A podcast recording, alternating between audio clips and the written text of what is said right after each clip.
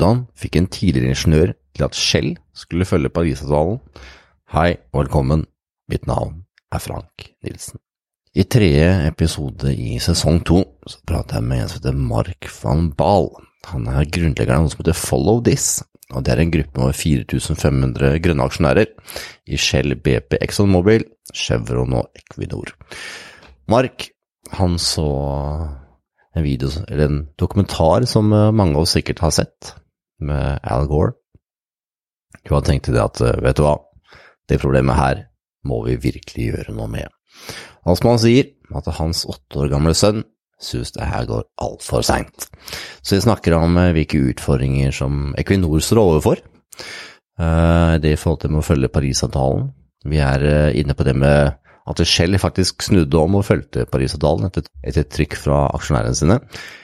Det med produkter som er laga av olje, hva vi skal gjøre med det, og ikke minst hva man tenker at det framtiden er i forhold til det med energi.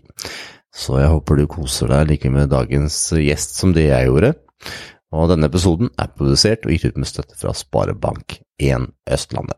Så sjekk ut episoden på iTunes, Spotify og hvor du enn måtte høre på din podkast. Tusen takk for at du hører på.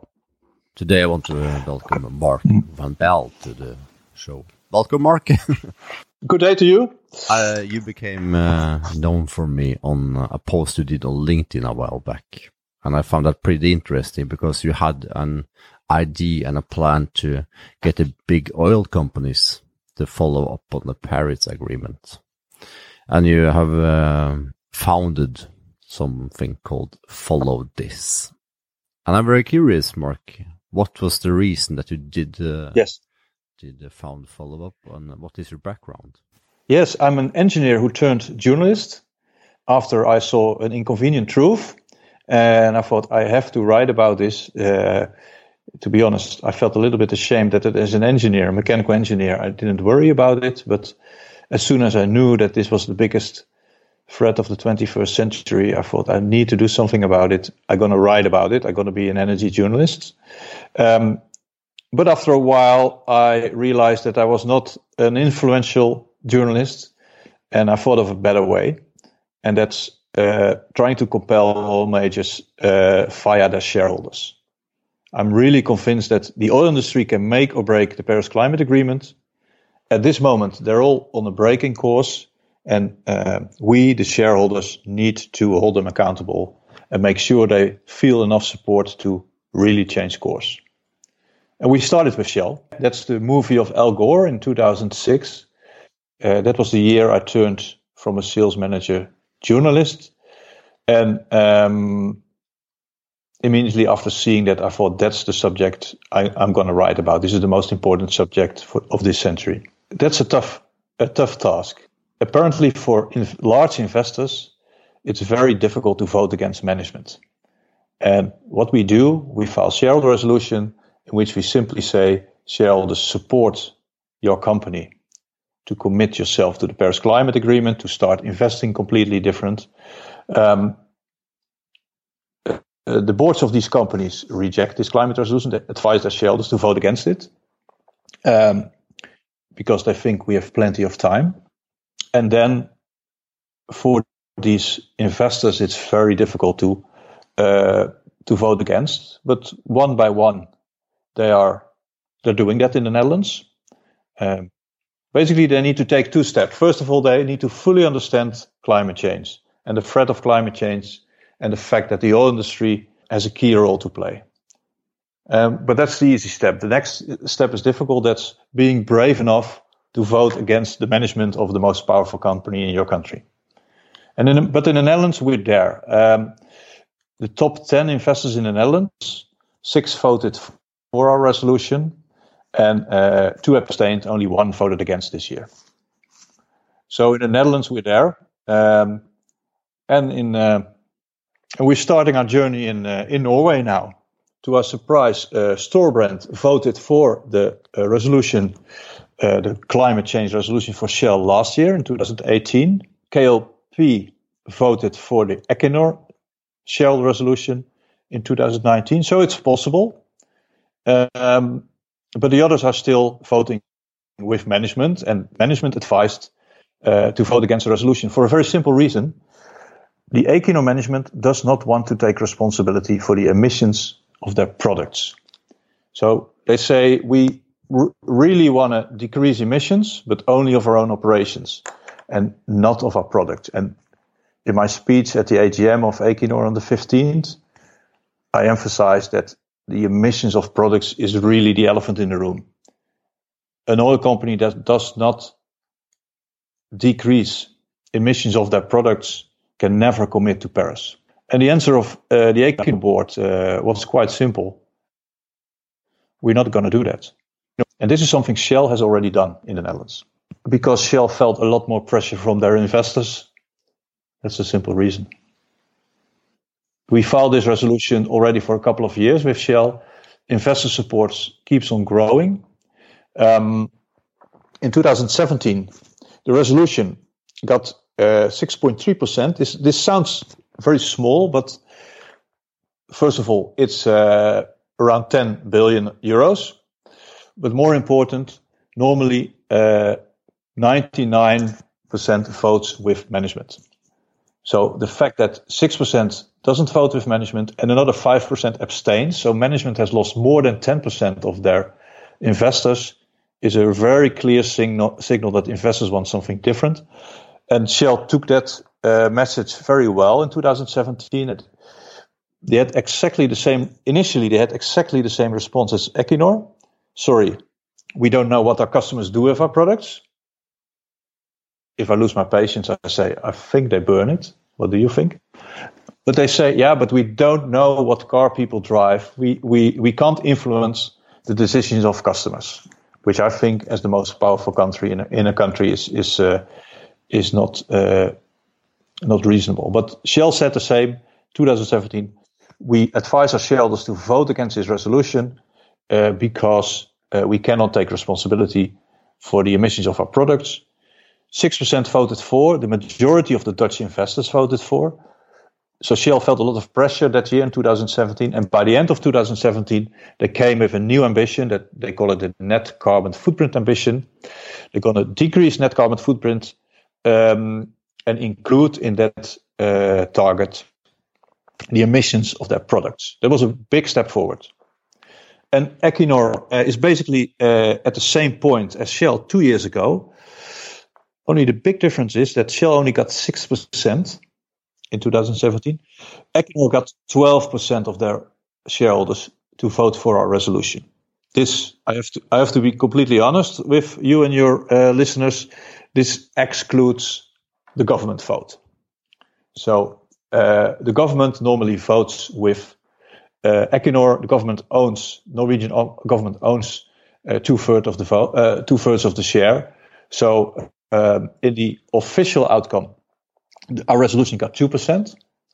But if you take out the government votes and you look at the, the free floating shares and the free votes, it would uh, it was 12%, which is a, twice as much as Shell. So I'm I'm absolutely sure that the board of Equinor is getting nervous about this and and realize that that the shareholders want something different than they want. They don't want to take responsibility for scope three, but their investors say, we need you to achieve the goal of the Paris Climate Agreement. By realizing they're not an oil and gas company, but an energy company, and that the world and Norway asks for energy, and that they have to deliver a different kind of energy, not fossil, but renewables, if they want to exist in the next uh, in this decade the, the, end, the, the solution uh, would be to first set a target that is really aligned with Paris and then invest differently. And, and uh, we don't describe that in our resolutions. We want to be completely agnostic.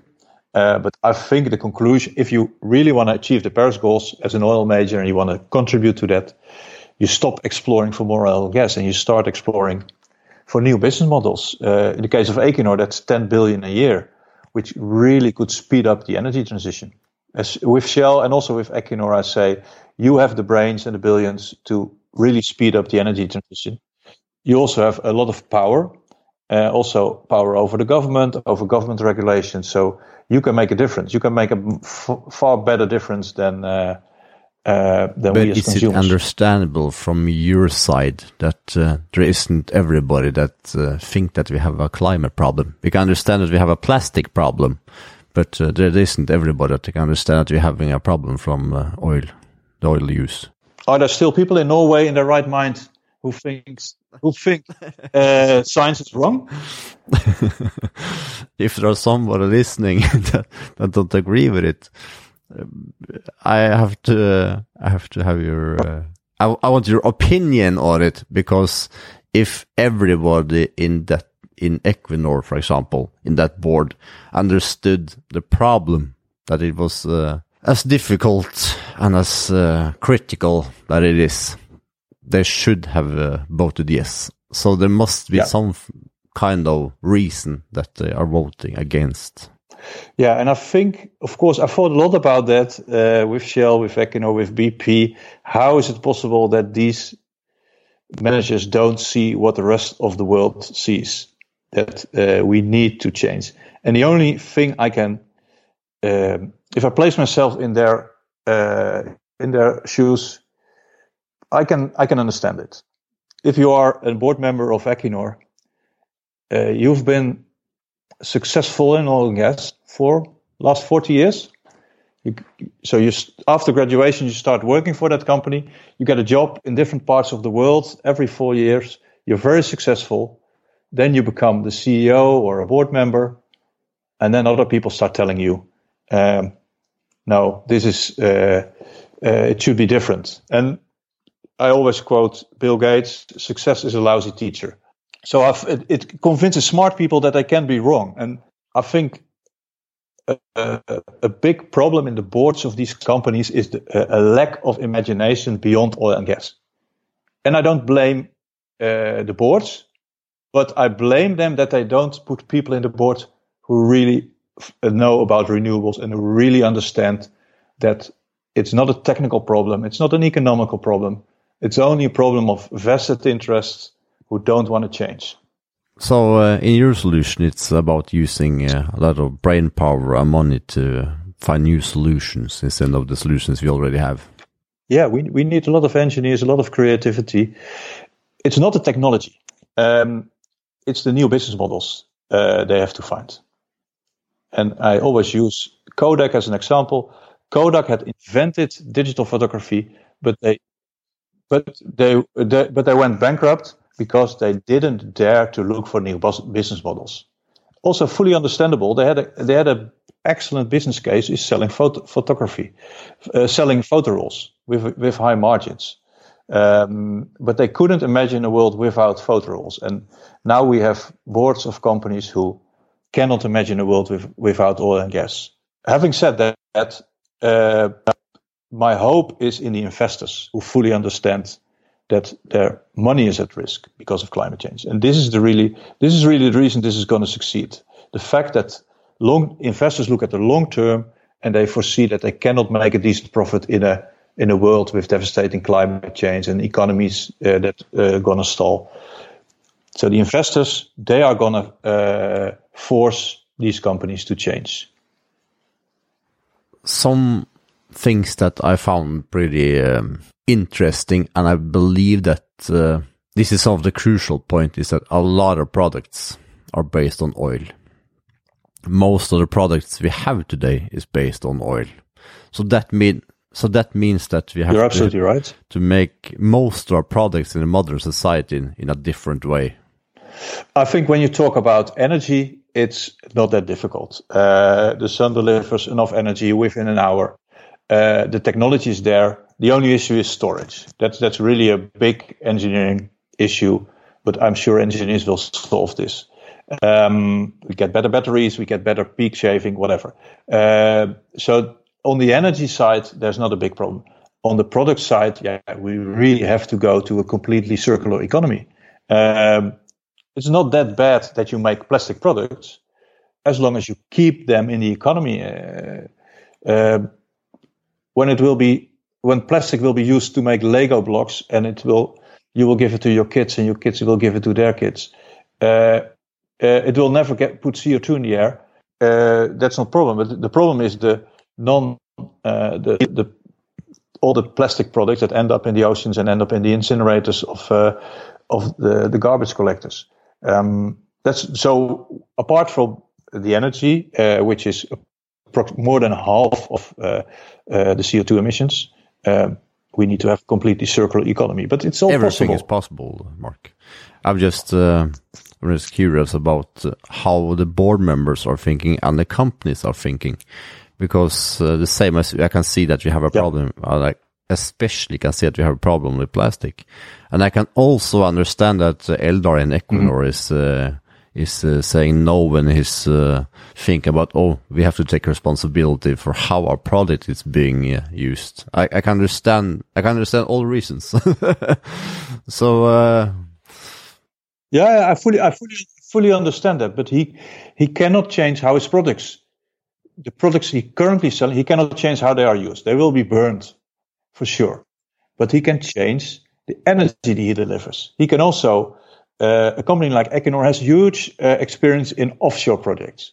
They can also b- build offshore wind farms much cheaper than done today. Uh, they can uh, make uh, if there's enough electricity, they can they can make hydrogen and store it and transport it. And um, as long as he understands that uh, that his company is not an oil and gas company but an energy company, then he can make the change. But he needs young engineers, young people who uh, uh, can see a world and without I think young people are some of the crucial element there because it seems like they have understood something and they have. If you look at uh, uh young kids these days, they are uh, they are striking. if that's the right word for it, on schools that they are taking a day off because they wanted to do something about the climate. So I think that uh, young people, especially, are and they're absolutely right. Yeah, they are. So what kind of problem keeps you up at night, uh, Mark, when it comes to this? Uh... I lost you for a moment, uh, but I think the young people are absolutely right. The young people are absolutely right. Um, we can't tell them anymore, which, which still a lot of companies do. Yes, you have to go to school, you have to get a very high uh, education because we need your creativity to solve this problem. And they rightfully say, no, we can't solve your problem. You have to do it today. Um, so uh, I'm, in the Netherlands, this is getting bigger as well. The school strikes, and they're absolutely right that the demand from the current generation, the current leaders, to change, and uh, they don't want to hear anymore. You are the future leaders. They say you are the leaders now. What do you think when you see that? Uh young kids are saying that this is not our problem. You have to fix it. And I know that you are some, doing something about it, Mark. But what are you thinking? What is the what is the driving force that you feel when you see that young kids are pointing their finger at uh, our generation? They lose their patience. They have a completely different uh, perspective on time. My son is eight uh, when I uh, on our bike in Amsterdam, we was we were behind a, a, truck, a diesel truck with a lot of exhaust, and uh, while uh, while we were behind that truck, he says, "Okay, I I know you're working on the environment, but uh, it doesn't go very fast, uh, don't you think?" Um, completely different perspective, and and even and and the the, the high school children they uh, for them a year is very long. For us, a year uh, is uh, is uh, is not that long. Yeah, so so they they see that they they uh, they know about this problem since they were born, and they don't see much action. They they see a lot of stalling and a lot of explaining that it can't be quick enough. It needs to be quick. That is pretty thought provoking, to be honest, because I have small kids as well, and I can see that uh, their their take on time is completely different than mine. There is something about changing people's behavior when they have doing something successfully for a lot of years, and that is their livelihood. And they're suddenly going to do something completely yeah. different. I think it's uh, extremely difficult. Yeah, you're you're right. This is the only way, uh, the only reason uh, people are uh, are slowing this down because they don't they, they can't imagine uh, a world without oil and gas, and they think it's not in the best interest of their short-term interests. Um, so they, they can't make a long-term commitment because they think it, it's uh, it's not in their short-term interest, and that that's uh, that's with every big transition that the uh, the vested interested are trying to slow this down. And normally the vested interest will go bankrupt after a while, but now we can we cannot afford it because it will I've always been thinking that the people in leadership, especially in high places, have always been extremely well read and educated and in great awareness. And always put them in high places in my awareness, if if that's uh, correct explained. And I I've come to believe that uh, people that are making the largest decisions, I do not think they have time to read up as much or getting enough awareness to see all the implications. I think they have a lot of stress and I think it's uh, hard to see all the sides because they're feeling the pressure from uh, their uh, from their uh, owners and so on. I do not think. Uh, what what is your uh, thought on that? On my thought there, Mark. I agree with you. I also don't understand why leader the leadership doesn't see this, and I think they see the problem. Only they don't think they can act on it, and that's because of their legacy, uh, their success in um, uh, in uh, the field they're in. So they're afraid for change. I can I can fully understand because when you know everything about oil and gas, uh, if you have to go to renewables, this is uncharted territory. So you cannot use your experience anymore. So I, uh, I, I understand that leaders, also in these big corporations, are change averse. I don't think you can make a career in Equinor by uh, not being uh, not being um, a risk averse. I saw the last question here, Mark. Uh, what is the problem that uh, keeps you up at night and that you're seeing it's hard to uh, that it's hard to find a solution for? How can we compel investors uh, to vote for our resolution and uh, therefore against the management of these companies? I don't blame the management of Equinor, Shell, BP that they don't want to change. But I've, the only ones who can change them are their investors, their shareholders. And uh, what's keeping me up is how do we uh, um, get them to fully understand the financial risk of climate change, and how can we get them um, to vote against management? In the Netherlands, we succeeded in that. And the ones who voted against Shell are very proud what they did. They're really proud that they changed Shell because Shell already had a, made a big step, and that's only because of uh, bra- investors who are brave enough to vote against management. These are the real heroes of this story. We just put it on the agenda, but uh, the big investors in the Netherlands, let's say the Storebrands and the KLPs of, of the Netherlands, these are the heroes. Um, and we need to convince them because it's in their um, long-term financial interest to stop climate change. And this is why I'm so hopeful that this is not a moral question anymore. This is a financial question. Um, I started this for moral reasons, but I only use financial use financial arguments. And my hope is that as soon as investors who have billions and billions to uh, invest, that they fully understand that uh, these billions are at risk because of climate change and that climate change needs to be stopped and that the oil industry has a key role to play. What can I do and others do that uh, are not big shareholders? What can we do to to make this happen? Yeah, you can do the same as uh, almost 5,000 people in the Netherlands did. Become a member of Follow This. And by becoming a member of Follow This, you, you, you get a green vote in the oil industry. So in Shell, BP, and Equinor.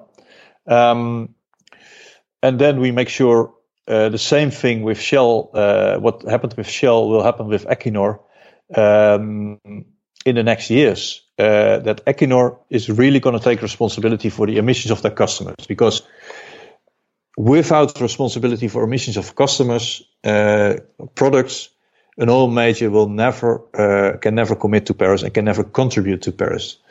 Um, so yeah, we uh, you ask me, um, we need as many members in uh, in Norway as we have in the Netherlands.